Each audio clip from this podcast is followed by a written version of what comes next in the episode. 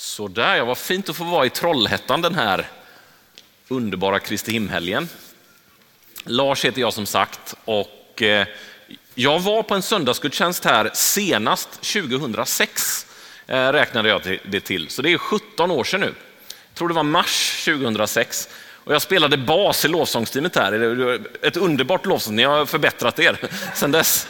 Eh, men, men det var senaste gången jag var på en söndagsgudstjänst här i Trollhättan och det var faktiskt så att eh, bara en månad senare så skulle jag börja min ver liksom verksamma eh, tid som ungdomsledare i Smyrnakyrkan i Gårdsten. Så det här liksom var eh, en av de vad ska man säga, sakerna som jag fick vara med och göra i en församling innan jag började som ungdomsledare.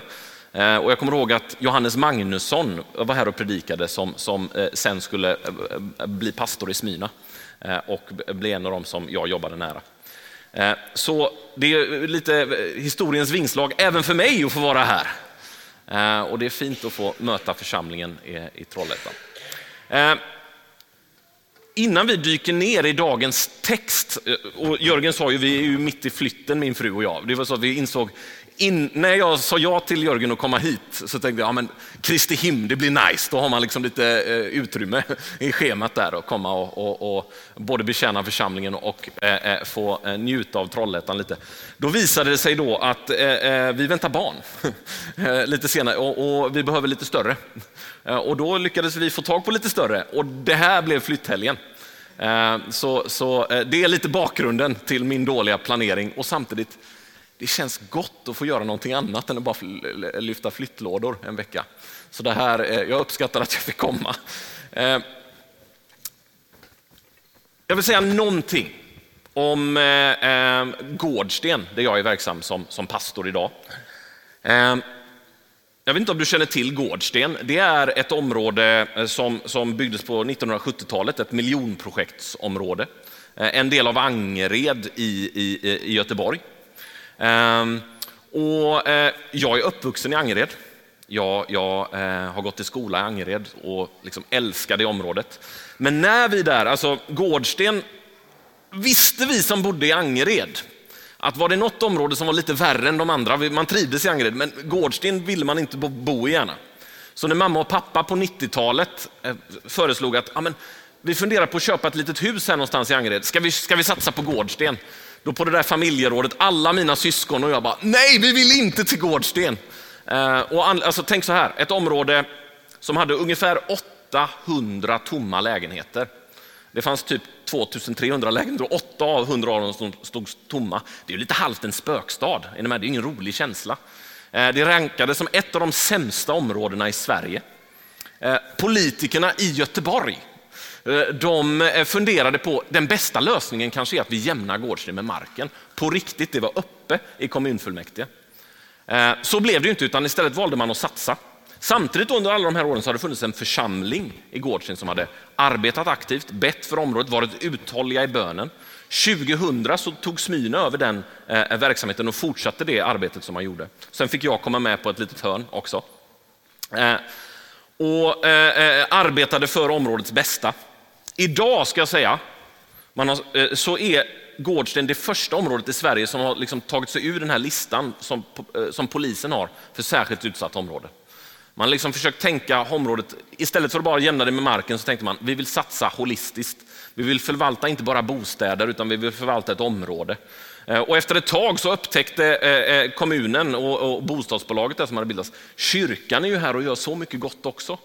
Eh, så att de frågade mig om jag ville sitta med i styrelsen i Gårdstensbostäder med eh, eh, under en tid. Och jag brukar säga att det är ett riktigt bra kvitto på att de såg vad vi gjorde för vårt område. Så det handlar inte om mig, utan det handlar liksom, de såg kyrkan tillför saker och ting här. Ni är med. Och, och, och det gjorde ju vi, vi med väldigt enkla medel. Eh, eh, vi öppnade upp kyrkan, hade en, eh, en liten fritidsgård. Från början hade vi ett hopprep och en fotboll. Det var det vi hade. Och, och, och första gången så kom det två ungdomar. Andra gången kom det en ungdom. Tredje gången kom det noll. När vi öppnade upp där. Så jag hade ingen bra start på min ungdomsledarkarriär som ni hör. Vi hade ju inte så många ungdomar i kyrkan heller. Men på hösten 2006, då talade Gud till mig på ett sätt, jag trodde inte det var han som talade först.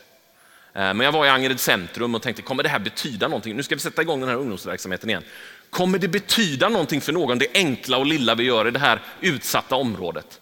Och Gud säger, och så upplevde jag i mitt inre, inte en hörbar röst, utan i mitt inre hjärta, kanske har du hört det också, Gud talar på det sättet. Eh, och så var det som att han sa, Lars det kommer att stå tre killar utanför kyrkan och vänta på dig nu när du kommer upp. Och det var de, de här tre killarna, du pratade med dem i tisdags. Men de kommer stå och vänta på, de kommer inte bara komma utan de kommer stå och vänta på kyrktrappan. Och så när jag kommer upp där så står de här tre grabbarna och, och väntar. Först tänkte jag det är, det är bara min inbildning, men när jag kommer upp där och ser dem, wow, jag fylldes av tro för vad Gud kan göra genom en enkel liten kyrka eh, eh, eh, som, som, som, som, som vill luta sig mot honom. Eh, så, så vi körde på där. Tre första veckan. Veckan efter kom det en person, men då var jag så fylld av tro så att vi bara, nu kör vi, spelar ingen roll, alltså Gud, Gud kommer lösa det här.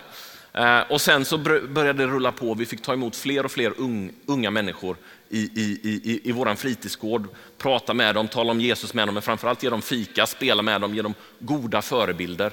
Eh, och det här plock, efter, efter tio år ungefär så plockade eh, bostadsbolaget upp det här, känna vad, vad, vad ni gör saker här. Och så 2018 så kom vi ur listan på de särskilt utsatta områdena. Och det jag vill skicka med er, det vi gjorde arbetsmässigt, vi, vi var, vi var liksom öppna för att gå åt det hållet vi trodde Gud kallade. Men det var människor som bad hela vägen. Långt innan jag kom med i bilden så var det människor som föll ner på sina knän, eh, eh, eh som samlades till enkla bönesamlingar i kapellet och i hemmen, inte bara vår kyrka utan andra kristna. Bad för sitt område uthålligt. Och vi har fått se frukten av det. Eh, de senaste tre åren i församlingen också, när vi har bett för området, välsigna Gårdsten, välsigna Gårdsten, så får vi höra att liksom, det går bättre i Gårdsten än något annat liknande område i Sverige. Wow, tack Jesus. Så vi har tagit, vi har tagit Gårdstensbostäders, eh, som är bostadsbolaget där, deras ledning som har varit med när, när vi hade eh, invigning av, vi byggde ut kyrkan lite. Det är inte lika fancy som här inne kan jag säga. Det är, det, jag gillar den här salen, det är så luftigt och gott. Men då, då, när vi byggde ut kyrkan, för ungdomarnas skull, så tog vi dit ledningen igår och så fick vi möjlighet att säga, vi tackar, vi hedrar er och er insats och vi tackar Gud för er. Ni ska veta att vi har bett för er under de här åren och vi tackar Gud för, för det ni har gjort. Eh, för är det någonting som, som vi saknar många gånger när vi ska förbättra våra städer och våra områden, är det att det finns uthållighet, människor, ledare som faktiskt orkar oavsett vilken tro de har, men som faktiskt orkar. Eh, och, och, och, och, vi sa, vi hedrar er, vi tackar, eh, tackar er, men vi tackar Gud för det ni har gjort. För att ni har orkat, för att ni liksom har hållit linjen. Så jag, jag vill bara uppmuntra er, ni, ni, vet ju vad det finns för behov här i Trollhättan, eller hur? Eh, eh det kanske är några av er som tänker, ja, jag har varit med och bett för det här under många år för vår, för vår stad. Eh, sluta inte med det, fortsätt med det. Eh, eller, eh, se till att be för er stad. Eh, be för att församlingen ska hitta in den, där just ni ska vara för att fylla behoven här. Och sluta inte att be, det händer saker när vi ber. Det är den bästa arsenalen som vi kan, som vi kan använda. Så, så det vill jag skicka med. Så, så, det lönar sig att be för att vi ber till kungars kung, herrarnas herre. Och det är, alltså, är det någonting som Kristi himmelfärd, eh, när Jesus lyfts upp till himlen, eh, eh, ska, ska eh, visa oss så är det verkligen att han är kungars kung. Han lyfts upp till himlen för att Gud visar att det här är kungars kung. Han sätts på himmelens tron. Är ni med? Eh, så det ska vi dyka ner i här idag nu då. Eh, och då öppnar vi upp Apostlagärningarnas första kapitel, de elva första verserna där. Ska vi läsa om Jesu himmel, Eh, eh, himmelsfärd. Eh, och där står det så här. I min förra skrift, käre Teofilus, skrev jag om allt som Jesus gjorde och lärde fram till den dag då han togs upp till himlen efter att ha gett sina befallningar genom den helige ande till de apostlar som han hade utvalt. Han visade sig för dem efter sitt lidande och gav dem många bevis på att han levde. När han under 40 dagar lät dem se honom och talade med dem om Guds rike. Vid en måltid med apostlarna befallde han dem, lämna inte Jerusalem utan vänta på vad Fadern har lovat. Det ni har hört av mig, Johannes döpte med vatten, men ni ska om några dagar bli döpta i den heliga ande. När de nu var samlade frågade de honom, Herre, är tiden nu inne då du ska återupprätta riket åt Israel? Han svarade dem, det är inte er sak att veta vilka tider eller stunden som Fadern i sin makt har bestämt. Men när den heliga ande kommer över er, då ska ni få kraft att bli mina vittnen i Jerusalem, i hela Judeen och Samarien och ända till jordens yttersta gräns. Och när han hade sagt detta såg de hur han lyftes upp och ett moln tog honom ur deras åsyn. Medan de såg mot himlen dit han steg upp stod plötsligt två män i vita kläder hos dem. De sade Galileer, varför står ni här och ser mot himlen? Denne Jesus som togs upp från er till himlen, han ska komma tillbaka på samma sätt som ni såg honom stiga upp till himlen. Ska vi bara be en kort bön här nu att Gud får öppna eh, eh, hjärtan för vad han vill säga genom sitt ord. Tack Jesus för att du vill tala genom ditt ord. Så öppna nu våra inre öron och våra hjärtan för vad du vill säga. Be så i Jesu Kristi namn. Amen. Bara till att börja med, den här texten avslutas med typ den mest uppenbara, kanske dummaste frågan i, i, i världshistorien. Jesus har precis tagits upp till himlen och änglarna kommer och säger, varför ser ni upp mot himlen? Jag hade väl också stått så här bara, vad, vad händer nu? Eh, men, men de har ju ett helt annat perspektiv. Va? Himlen har ett helt annat perspektiv. Eh, men jag bara älskar den. Liksom. Varför ser ni upp mot himlen? Ja, det har, ett av de största undren har skett där, precis framför mina ögon. Jag, jag tänker stå och titta där ett tag. Eh, eh, men det änglarna sa var ju, ah, men stå inte kvar här nu. Ni ska bli utrustade. Det kommer mer. Lukas som har skrivit både Lukas evangeliet och Apostlagärningarna. Han eh, skriver ja, men i Lukasevangeliet såklart om Jesu liv och verksamhet och sen i Apostlagärningarna om den tidiga kyrkan och den heliga andes verksamhet eh, genom den tidiga och i eh, den här världen och den tidiga kyrkan. Och han, han skriver till en man som heter Teofilus. Eh, och, och om man skulle sammanfatta eh, eh, eh, eh vad Lukas budskap är till Teofilus så är det Teofilus, jag vill berätta för dig att den kristna tron är sann. Den är på riktigt. Ehm, och Det är bara några av böckerna alltså, som är skrivna till personer som eventuellt skulle kunna vara skeptiska. Men Apostlagärningarna och Lukas skulle man kunna lägga in i den kategorin som skrivs till, liksom, man är medveten, om, just det, det är någon skeptisk person som jag har skrivit till här. Så nu, nu, nu, nu ska jag verkligen poängtera varför den kristna tron är sann. Och, eh, de här första, kapit första kapitlets första verser som vi har läst skulle jag vilja säga tre saker om kring sanningen. Eh, för jag tror att det handlar om sanningen. Eh, och det är att sanningen finns där ute, den finns där uppe, talar om himmelsfärden, och den behöver finnas här inne. Men den finns där ute. Jag vet inte om du såg på Arkiv X på 90-talet när den gick. Jag, jag, jag, ska inte rekommendera den serien, det är en serie, men, men ja, det var min favoritserie när jag var ung, där på 90-talet i Angered. Eh, och det är en serie full av konspirationsteorier. Eh, och the truth is out there. Eh, Bibelns sanningen finns där ute är inte massa konspirationsteorier utan snarare den finns tillgänglig att få för varje människa. Och vi ska kolla här på vers 3. Det står så här om Jesus efter att han hade uppstått och så var han med lärjungarna. Så står det här.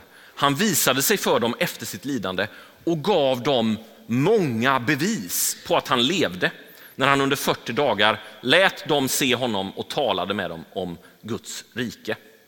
Eh, en del tänker att apostlagärningarna och andra bibliska skrifter, det skrevs till rätt vidskepliga människor, människor som bara, och godtrogna människor som bara köpte att när det hände ett under, ja men då måste det vara Gud. Eh, eh, och, och, och när de bara hörde om någonting så var det som att ja, men de bara godtroget skulle säga ja till det.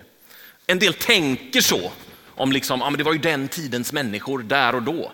Eh, du skulle kunna skriva ett sånt här vittnesbörd och de liksom skulle köpa det eh, automatiskt. Men nu lever vi på den vetenskapliga tiden och nu vet vi ju att sånt inte kan hända. En del har den uppfattningen om att eh, det verkar vara sådana skrifter som finns i Bibeln. Men om vi ser på skildringarna, om vi ser på hur människor reagerade på när, när budskapet om att Jesus hade uppstått eh, predikades, eh, så reagerade de på ett sätt som jag tror att jag skulle reagerat på också, med ganska mycket skepsis i början. Eh, jag, jag, jag, skulle inte tro att det var sant i början. Eh, Matteus 28, Jesus samlar sina lärjungar. Då har han visat sig för dem ett antal gånger. Han samlar sina lärjungar och säger åt dem, gå ut i hela världen och gör alla folk till mina lärjungar. Eh, och bara som en liten extra passage, liksom en extra del av den där texten, så står det att Eh, de eh, föll ner och tillbad honom, fast det var en del som tvivlade. Han står ju framför deras ögon. Eh, så, så, även på den här tiden så köpte man inte bara saker automatiskt, är ni med? De hade mer bevis än någon annan i världshistorien och de var inte helt säkra än. Och så, så, så, vi ska inte tro att de bibliska texterna är skrivna till godtrogna människor, utan de är skrivna till människor som i det här fallet Lukas försöker övertyga om att Jesus har uppstått från de döda. De såg honom, hörde honom, kände honom, men de kunde inte tro sina ögon. Och Jesus dök inte bara upp en gång. Ni, ni, ni märker här i Apostlagärningarna-texten som vi precis läste, där står det att han gav dem många bevis för att han var uppstånden. Det var inte ett bevis, det var många gånger. Eh, och vi märker när de är där i Matteus 28 att de faller ner och till, men det är folk som fortfarande tvivlar. Eh, Jesus sa när han var hos sina lärjungar, se här, rör vid mig, se mig. Han åt med dem. Ehm, och det är sant, människor i allmänhet i den här kulturen på den här tiden kanske trodde mer på övernaturliga saker än vad den genomsnittliga Trollhättanbon gör. Sig. Det, det, det, det, kan jag, det kan jag köpa. Ehm, men man trodde inte mer i allmänhet på en kroppslig uppståndelse från de döda. Ehm, och, och, och, och vi ska se här, Jesus blev inte bara återupplivad. Jesus blev inte bara återupplivad, han blev återuppstånden. Ehm, och det är skillnad. Tänk på de miraklerna Jesus själv utförde. Jairos dotter, Lazarus, de blev återupplivade genom Jesu eh, mirakelgärningar. Men, men budskapet om vad som hände med Jesus, det var att han blev återuppstånden. Han, han, han återuppstod till en ny skepnad, så att säga. E- e- e- en ny tillvaro, en, himmelsk kropp som, som, som övergick döden. Han hade liksom i sin kropp besegrat döden. Han skulle inte behöva någonsin dö igen. Lazarus dog ju och Jairos dotter i, i Nya Testamentet dog ju till slut. Men det Nya Testamentet säger här, ja, men det, var, det är skillnad. Det vi talar om Jesus gjorde, det var han återuppstod och han besegrade döden. Eh, våra kroppar, eh, eh, de, de, andra kom tillbaka till kroppar som, som våra, som fortfarande åldras, bryts ner, kan bli sjuka och till slut dör. Men det är inte det som händer med Jesus. Han förändras, han går genom låsta dörrar. Han, samtidigt som han äter en fisk. Så det är både och. Det, det, det är liksom, det, Ja, men eller hur, fisk är gott. Och så, det är fiskarkvarteren här i Göteborg. Som, nej. Han har, eh, Jesus har förändrats, men han är ändå eh, eh samma Jesus. Eh, grekerna och romarna, om vi bara ser här på hur man uppfattade talet om att någon skulle uppstå från de döda på den här tiden. Greker och romare tänkte ju att kroppen är någonting i grunden som inte är gott. Vi vill bort från kroppen. Alltså när vi dör så kommer vår ande äntligen att bli fri. Är ni med? Så grekerna och romarna förväntade sig inte alls att någon skulle uppstå kroppsligen från de döda. Om någon hade hört det, det är bara dumheter. Varför skulle ni säga det? Det kommer vi aldrig köpa. Eh, så, så, så det gick emot den liksom allmänna accepterade uppfattningen vad som skulle hända efter döden. Eh, eh, och då tänker ni kanske så här, ah, men judarna då, trodde inte de på en uppståndelse? Ja, en del av judarna trodde på en uppståndelse. Men man var helt övertygad om, och det kan man ju läsa liksom samtida skrifter, uppståndelsen från de döda, när liksom vi får nya kroppar som besegrar döden, det kommer i slutet av historien, när allt av Guds rike har fullkomnats. Eh, när Guds rike har kommit fullt ut och hela Guds vilja eh, levs ut på den här jorden, då kommer uppståndelsen från de döda också att liksom manifesteras i våra liv, i den här världen. Nu kommer de tidiga judekristna och kristna och säger, vänta nu, eh, eh, det som ska hända i slutet av historien, det har redan hänt med en person. Han är helt unik. Eh, och det är genom honom som vi kan få del av det också i slutet av historien. Det var inte den förutfattade meningen att det var så. Folk skulle inte bara köpa det. Man behövde bevis. Och det är därför det står att han gav dem många bevis. Han gav dem många bevis. De var inte, de var inte godtrogna. De här människorna var minst lika skeptiska som människor, mot uppståndelsen som människor i Trollhättan 2000 år senare. Eh, lärjungarna trodde inte bara för att de ville tro. det kanske de ville, men de tro, det, skulle inte, det skulle inte räcka att tro en sån sak. De trodde för, eh, och inte bara för att det var en inspirerande berättelse, utan för att Jesus hade gett dem många bevis. De hade liksom blivit övertygade genom sitt möte med Jesus gång på gång. Eh, de trodde att Jesus uppståndelse var ett faktum, att sanningen was out there, finns där ute. Eh, vad gör vi då av det här? Någon kanske säger, jag är ju intresserad av den kristna tron och jag behöver, liksom, jag, jag behöver styrka, tron kan ge mig det. Jag tror att tron och Jesus kan ge dig styrka, så är det. det så funkar det. Eh, och någon kanske säger, jag behöver inspiration. Eh, och jag tror att den kristna tron och Jesus kan ge mig det. Ja, det kan han, men Eh, eh, eh, så kanske någon lägger till, men jag är lite orolig om jag säger ja till kristen tro, då, då kanske jag inte kan göra alla de här sakerna här borta längre som jag skulle vilja fortsätta med. Ehm, det är ju möjligt att man tänker så. Men i grund och botten, fråga inte, alltså i grund och botten, fråga inte vad den kristna tron kan göra för dig, utan fråga om, i grund och botten om den är sann eller inte. För om den är sann, då kommer den också kunna göra saker för dig. Då kommer du faktiskt kunna bygga ditt liv på den. Är den inte sann så kommer det någon gång falla som ett luftslott. Men är den sann, då håller det att bygga sitt liv på. Då är det värt att faktiskt kanske avstå från de här sakerna här borta. För att vi har sett att den är sann. Och allting vi får genom den, äh, den heliga andes närvaro, genom Jesus Kristus. Så, och, och, och, och tänk här nu då, om uppståndelsen är sann, tänk att till exempel, till och med vi möter döden, vilket vi alla ska göra en dag. Eh, någon du älskar eller din egen död. Och så vet vi om att på andra sidan, på grund av att kristendomen är faktiskt historiskt sann. Någon har besegrat döden och han har sagt genom mig så ska också ni besegra döden. Då kan vi veta att på andra sidan så kommer de vi älskar att få mötas i Guds kärleksfulla armar och du och jag kommer tas emot av Guds kärleksfulla armar på den andra sidan också. Det är ganska praktiskt inför eh, eh, eh jobbiga eh, de svåraste stunderna i livet, eller hur? En sån vetskap kommer ju hjälpa oss att ta oss igenom det på ett helt annat sätt än om vi tror det är bara slut. Eh, men det är praktiskt för att det är sant. Om det inte är sant så är det inte praktiskt. Då lurar vi oss bara själva. Eh, så vi behöver veta att sanningen finns där ute, men sanningen finns också där uppe. Jesus steg upp till himlen. Och vad, vad menar jag med det? Jo, Jesus blev som sagt inte bara uppstånden, han, han uppstod inte bara från de döda, utan han, han blev också uppstigen till himlen. Och, och vi ser på vers 6 där lärjungarna talar med Jesus. Och, och så säger de, när de nu var samlade frågade de honom, Herre, är tiden nu inne då du ska återupprätta riket åt Israel. Eh, någon har påpekat att det finns ett gäng teologiska fel med att ställa den frågan till Jesus där och då. De, och det är eh, först av allt, de tänker fortfarande Guds rike som bara ett land och en nation. För Guds rike i Bibeln handlar ju om att Guds herravälde ska nå till jordens yttersta gräns. Hela jorden, hela världen ska sammanfattas och omfattas av Guds rike. Eh, och, och de tänker enbart på Israel som en politisk nation. Alltså, när ska romarna nu slängas ut ur vårt land? Äntligen. Vilket, man, mm, de var inte så goda, romarna där. Så det kan man förstå att de ville, men, men, men, men de tänker för snävt. Eh, och Jesus ger två svar. Jesus ger faktiskt två svar. Eh, han säger, okej okay, nu ställer ni den här frågan, men jag tänker svara på det här sättet och det är nummer ett, jag kommer lova i den helige ande. Den helige ande ska komma. Och han kommer.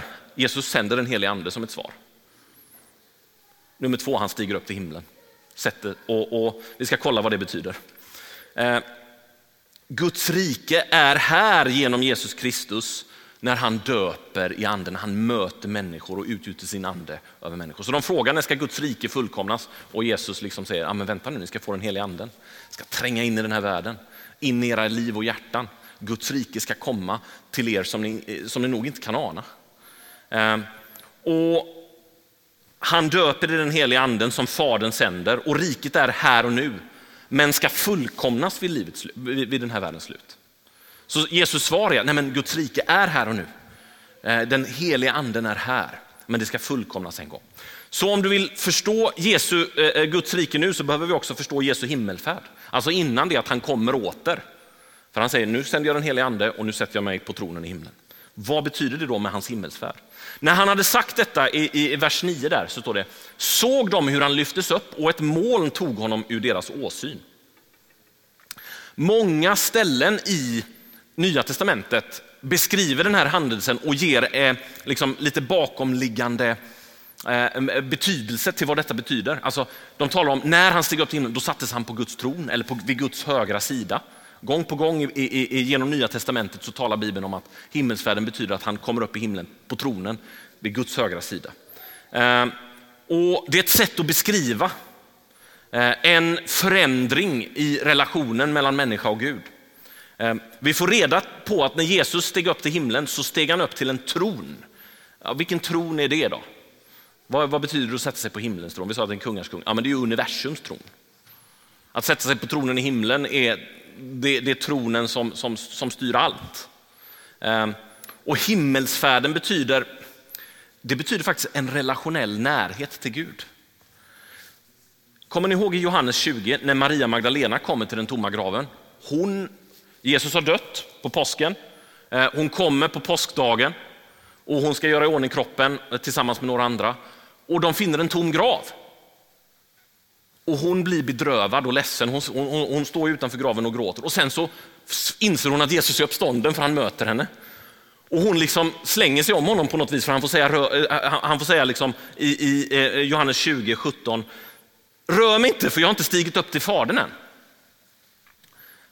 En annan översättning säger, håll inte kvar mig, eller håll inte så hårt i mig. Det kan ha varit så att Jesus också, eh, krama inte om mig för mycket nu, jag får knappt luft där. Eh, men håll inte kvar mig. Alltså Jesus vill göra en poäng till Maria där, för jag ska stiga upp till Fadern. Du ska inte hålla fast mig här på jorden för jag ska upp till himlens tron.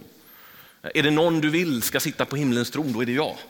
För det kommer påverka er alla när jag sitter på himlens tron. Så det är det han säger till Maria Magdalena där. Eh, hon verkar ta tag i honom eh, eh, så här och, så där hårt. Och Det är som att Maria säger, jag, jag vill aldrig förlora din närvaro igen Jesus. Jag älskar ju dig och jag älskar att jag får vara en del av, av, av det som är din, eh, din gemenskap och din familj och, och, vara din lärjunge. Men jag förlorade dig i fredags och jag, jag, vill aldrig förlora dig igen. Jag trodde att det var slut och nu kommer jag hålla hårt i dig. Och Jesus säger, nej Maria, om jag stannar här så kommer du ibland, du, du kommer ju ibland behöva gå bort och eh, eh, eh, eh, eh sova eh, eller äta. Du kan inte vara med mig hela tiden om jag stannar kvar här. Det kommer vara andra som behöver vara nära mig så att, som gör att du får ställa dig på kö ibland. Så håll inte kvar i mig Maria. Men om den heliga anden, om jag, om, om jag ber Fadern sända den heliga anden och jag döper er i helig ande, säger Jesus, då kommer ni aldrig någonsin sakna mig en sekund. För jag kommer bo hos er. Jag kommer vara i er. Eh, ni kommer ha den ultimata gemenskapen med mig. Den perfekta närvaron i era brustna liv. Men jag kommer vara där. Eh, uppstigandet betyder jag är alltid med er. Uppstigandet betyder jag är alltid med er, alltid hos er. Sant Augustinus som var en av liksom kyrkoledarna på 400-talet, han, han skrev så här eh, om, eh, om det här. Du steg upp inför våra ögon och vi vände om sorgsna för att sedan finna dig i våra hjärtan. Alltså, du steg upp inför våra ögon och där bara, nu försvann han. Men för att sen när du sände den helige ande så fann vi dig i våra hjärtan. Du kom närmare än någonsin innan. Eh, så först av allt så handlar att Jesus stiger upp till himlen om att vi kan få en intimt relationell, nära relation med Gud själv, med Jesus själv. Han kommer i oss. Eh, för det andra så ska vi säga någonting om att, att det faktiskt är att han, han är herre över historien. Eh, Shakespeare skrev i Macbeth, en av hans karaktärer där, jag har inte läst massa Shakespeare, men jag vet att Macbeth säger så här i alla fall. Eh, historien är en berättelse som berättas av en idiot full av konflikter som betyder ingenting. Macbeth var ganska, han, han hade ingen bra dag när han sa det, eller så var han ganska cynisk som människa. Eh, han liksom trodde, historien, den leder inte någonstans. Det är bara massa elände här och i slutändan så spelar det inte någon roll. Ehm, men låt oss se på vad Nya Testamentet säger om historien när Jesus sitter på tronen. Efesierbrevet 1, 20, 23. Den kraften lät han verka i Kristus när han uppväckte honom från de döda och satte honom på sin högra sida i himlen. Det är Fadern alltså. Högt över alla härskare, makter, krafter och herradömen och alla namn som kan nämnas, inte bara i denna tidsålder utan också i den kommande. Allt lade han under hans fötter och honom som är huvud över allting gav han till församlingen som är hans kropp, fullheten av honom som uppfyller allt i alla. Eh, det betyder att Jesus är satt på tronen och han kontrollerar allt i historien som sker. Han har koll på det. Nu, nu får vi akta oss här för att säga att allt som händer i historien är hans vilja, för det, det säger inte den kristna tron. Eh, men om vi ser på Romarbrevet 8.28. Vi vet att allt samverkar till det bästa för de som älskar Gud, som är kallade efter hans beslut. Vad ska vi göra med det här då? Ja, men Jesus är satt på tronen. När han är satt uppe i himlen, då är han satt att faktiskt kontrollera historien. Han är satt att kontrollera allt. Han har koll på allt från den positionen. Eh, och eh, till och med har han koll på det som inte är hans vilja. Det det onda försöker göra i den här världen. Till den graden eh, Eh, att han kan till och med använda den mot sig själv och för att föra oss till honom. Eh, världen var inte designad för våld, inte lidande och inte död. Gud designade inte den för det. Eh, den har kommit in för att vi har vänt oss bort från Gud. Men det som händer nu är att Jesus är på tronen och han kontrollerar allt. Och han kan till och med då vända ondskan mot sig själv. Vad menar vi? Ja, men det, finns det någonting som är, är, ger en tydligare bild av vad det här är, är faktiskt den historiska händelsen, sanningen är där ute. Jesus dör på ett kors. Och där, alltså på korset så försöker ju både världen och, och djävulen att, att förgöra honom, eller de lyckas ju. Han dör. Men, ah, men det de lyckas med i slutändan är, när, när, när Jesus låter ondskan drabba sig själv, det de lyckas med är att de, de släpper in ljus i mörkret och liv i döden. Är ni med? Det övergår mitt förstånd, men jag vet att det är så. När det ser som mörkast ut, när Gud tillåter ondskan att drabba Jesus, när han tillåter saker och ting i, i, i den här världen, så i slutändan så är det som att ljus släpps in där mörker är och liv kommer där döden är. Det är budskapet. Han är i sån kontroll att han kan vända det onda till att bli en del av hans plan. Det betyder inte att det var hans vilja från början, men det betyder att han har sån koll att det är möjligt för honom att vända det. Eh, och det kan ju jag ju se i mitt liv. Det finns ju saker och ting, tuffa perioder jag har gått igenom som jag har känt, det här skulle jag inte vilja gå igenom. Men sen i efterhand så bara, gode Gud, du gjorde mig till en bättre lärjunge, en bättre människa genom den här konflikten kanske. Som jag tyckte var svinjobb och jag hanterade inte den på bästa sätt. Och den personen hanterade inte det här på bästa sätt. Men efteråt så har jag, så har jag blivit formad. Eh, det kan jag se många exempel på. Sen finns det saker i våra liv som vi faktiskt kanske inte ser. Nu hände den här hemska saken. Och så ser vi inte vad det gav. Och det har jag full respekt för. Men jag vet att Jesus är på tronen. Och det betyder att även när jag inte kan se, och vissa saker kommer inte jag kunna se, Därför ska vi akta oss att ge förklaringar till varför alla onda saker händer specifikt du och jag, för vi har inte Guds perspektiv. Men vi kan faktiskt veta och lita på att Jesus har koll varför han tillät det. I slutändan så kan han vända det onda till någonting gott. Fortfarande ont och fortfarande mot hans vilja, men han kan låta ondskan binda sig själv.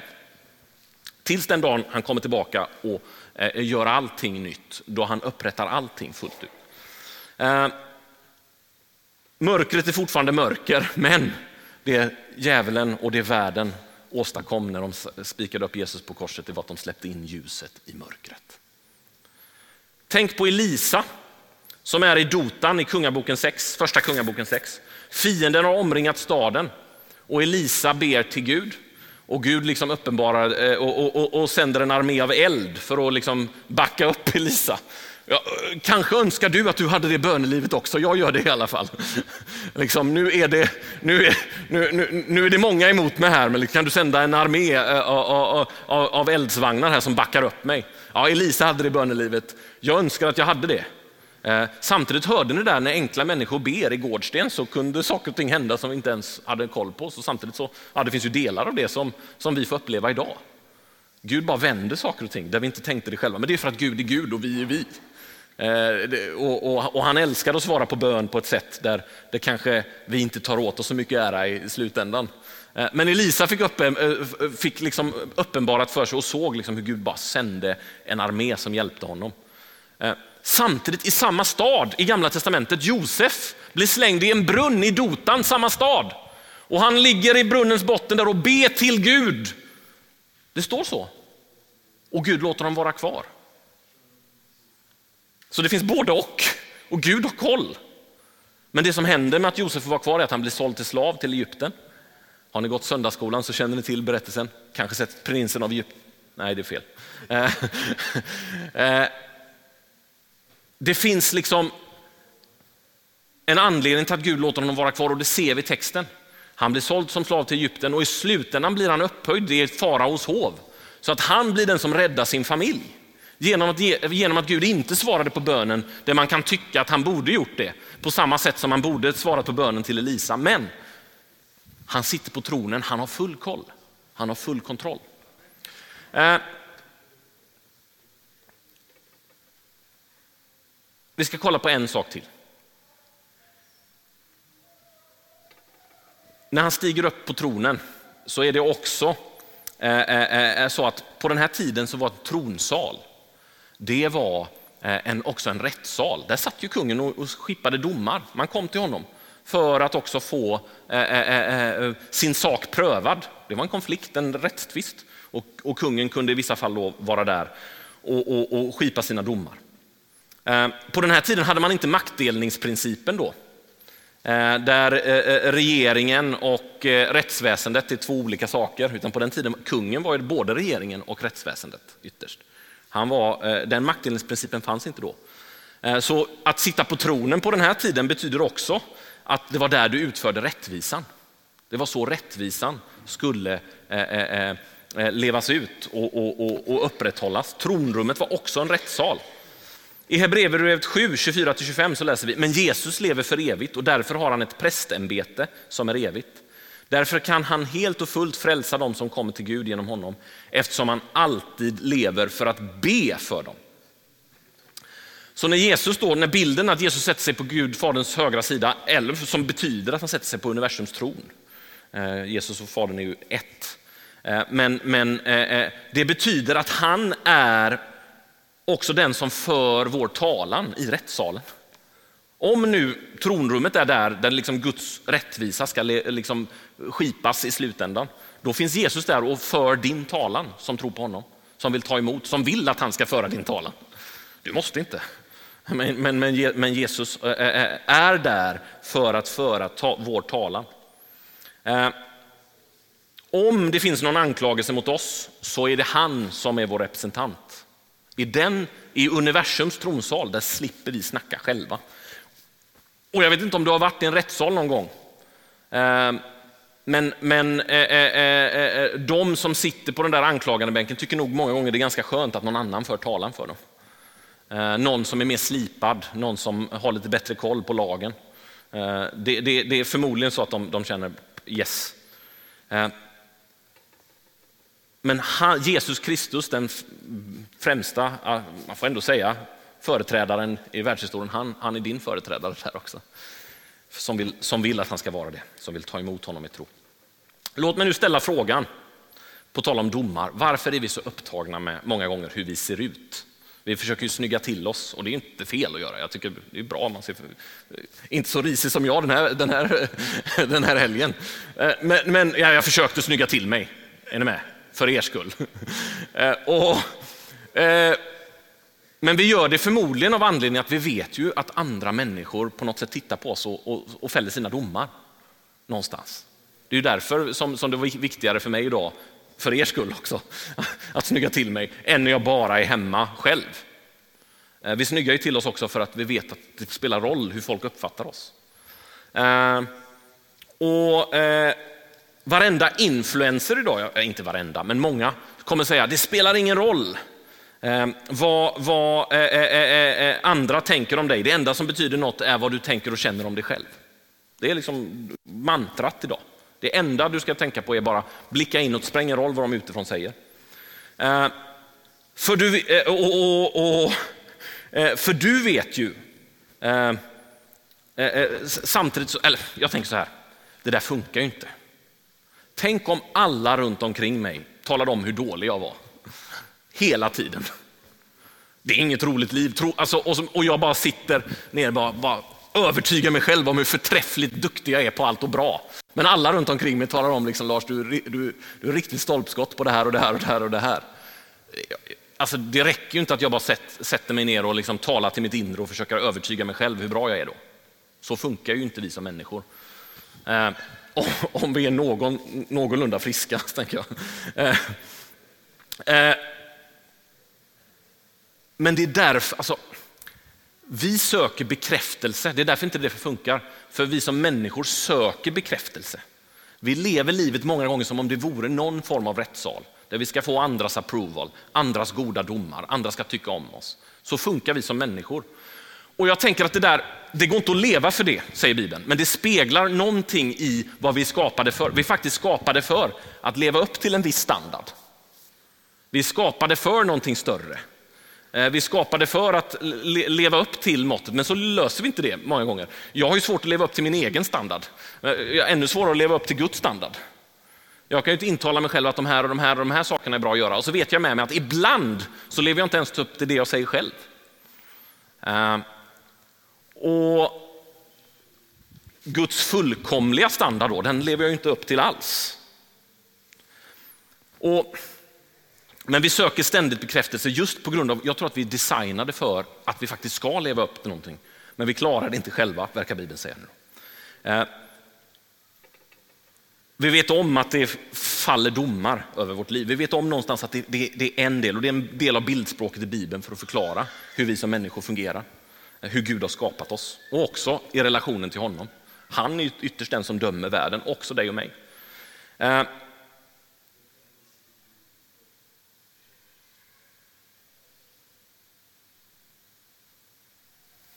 Men då är det ganska gött att veta att kungars kung är vår advokat i himlen.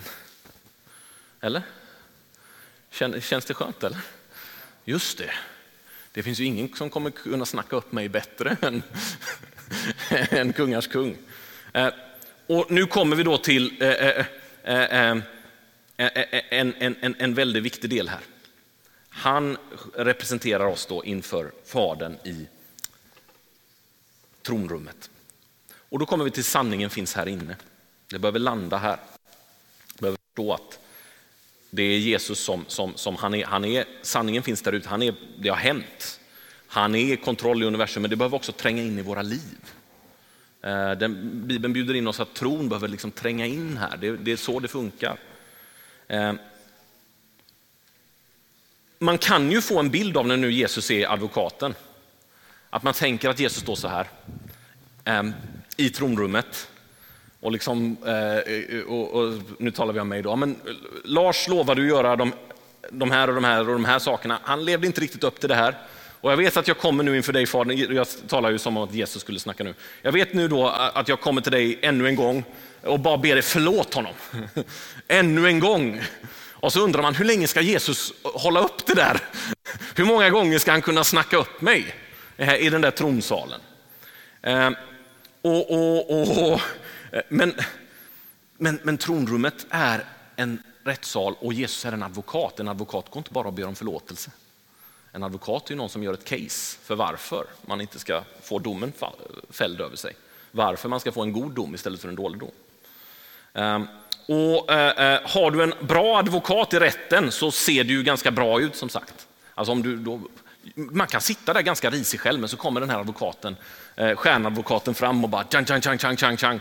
Och du ser ganska bra ut då, liksom, för att du valde ju den här advokaten. Eh, och, och, det går bra för dig i tronrummet eller i den här rättssalen. Eh, och du kanske inte har någon aning om hur det här ska gå, men, men, advokaten har en smart strategi och det räcker för att du ska komma ur den där eh, eh knipan. Eh, och en bra advokat går inte bara fram och säger förlåt min klient som sagt, utan faktiskt gör ett case. Hebreerbrevet 7, 26-27 säger så här, det var en sån överstepräst vi behövde, en som är helig, oskyldig, obefläckad skild från syndare och upphöjd över himlarna. Han måste inte bära fram offer varje dag som de andra översteprästerna, först för sina egna synder och sedan för folkets. Det gjorde han en gång för alla när han offrade sig själv. Jesus har dött på korset och betalat priset för vår synd. Hur använder han det i rättssalen i frågan då? För det står ju här, här verkar vi ändå koppla till vilket case som är ditt och mitt också. Första Johannes 1 och 9. Om vi bekänner våra synder är han trofast och rättfärdig så att han förlåter oss våra synder och renar oss från all orättfärdighet. Lägg märke till att det står att han är, eh, eh, eh, eh det står inte att han är rättfärdig och eh, det står att han är rättfärdig och inte barmhärtig. Alltså, han är trofast och rättfärdig, inte trofast och barmhärtig. Det är en skillnad. Han säger, Fader, här ser du Lars, han levde inte upp till de här sakerna. Eh, men du ser vad jag har åstadkommit. Alltså mitt case för dig är ju att vi är ju här i rättssalen. Bilden är rättssalen. Det behöver bli, för att rättvisan ska levas ut måste det bli någon form av kompensation här. Och Lars har inte lyckats leva upp till det, men, men min brutna kropp, i, mitt, i min kropp när jag dog på korset så tog jag det på mig. Jag tog den konsekvensen, jag tog det på mig. Jag har betalat det priset, jag har tagit konsekvensen. Eh, det vore orättfärdigt, säger Jesus, det, om du tog ut två kompensationer. Hans case är alltså, det är betalat. Alltså, du, du kanske har böter på en miljard, men jag har betalat den där miljarden. Alltså, då, då, då är det orättfärdigt om du tar ut ytterligare en miljard av den här personen. Därför vill jag att du frikänner Lars som betalningsskyldig. Säger, eh, eh, och ni vet, en miljard skulle jag aldrig kunna eh, betala. Jag tror mycket om mig själv många gånger, men det vet jag med mig att så, mycket, så bra daytrader skulle jag aldrig kunna bli. Och, och, Det skulle aldrig kunna ske, utan jag behöver en bra advokat. Och han tar till och med på sig att när jag tror alldeles för mycket om mig själv, om nu tror Lars för mycket om sig själv igen. Han faller i det där, men jag har tagit även den där själv, eh, eh, eh brist på självinsikt och egot på mig. Alla konsekvenser som behövs för att kompensera det här har jag betalat. Du måste avskriva målet. Och då kommer vi in till att det här behöver tränga in här. Genom Kristus kan du veta hur värdefull och vacker du är. Om det är nu så att vi faktiskt behöver folk som utifrån säger och talar om för oss eh, att du är ändå bra, du är vacker, du är värdefull. Eh, så kan vi veta det varför, för att universums herre har gett sitt liv för dig. Universum, han som sitter på tronen som är eh, värd eh, eh, eh, allt. Som, som har all makt, som inte någonsin eh, behöver någonting mer, men han har sett på dig eh, och, och, och, gett sitt liv för dig. Han har betalat med sitt eget liv för att du ska kunna komma in i hans närhet. Det är ganska bra eh, grund för att veta att man är ganska värdefull, tänker jag. Och så vet man att när Jesus ser på mig så är det liksom, han, han ser på mig som sin ögonsten. Jag kan veta att jag är vacker.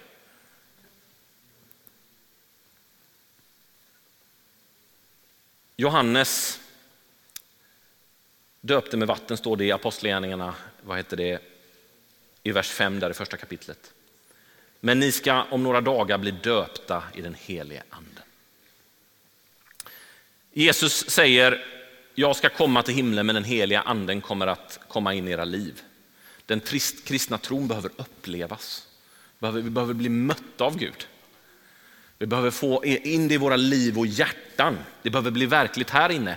Och det kan bli verkligt här inne för att det är verkligt här ute och där uppe. Men det är hela grunden för att det faktiskt, när det kommer in här så är det på riktigt. Det är inte bara en inre upplevelse utan det är när Gud själv ger sin bekräftelse. Du är min ögonsten, jag älskar dig. Eh, vi har talat om eh, relationell intimitet och närhet med Gud. Men har du upplevt hur Jesus, hur nära han kan komma? Eller var det länge sedan du upplevde den där connectionen? Jesus vill fylla på idag, Jesus kallar dig till sig. Eh.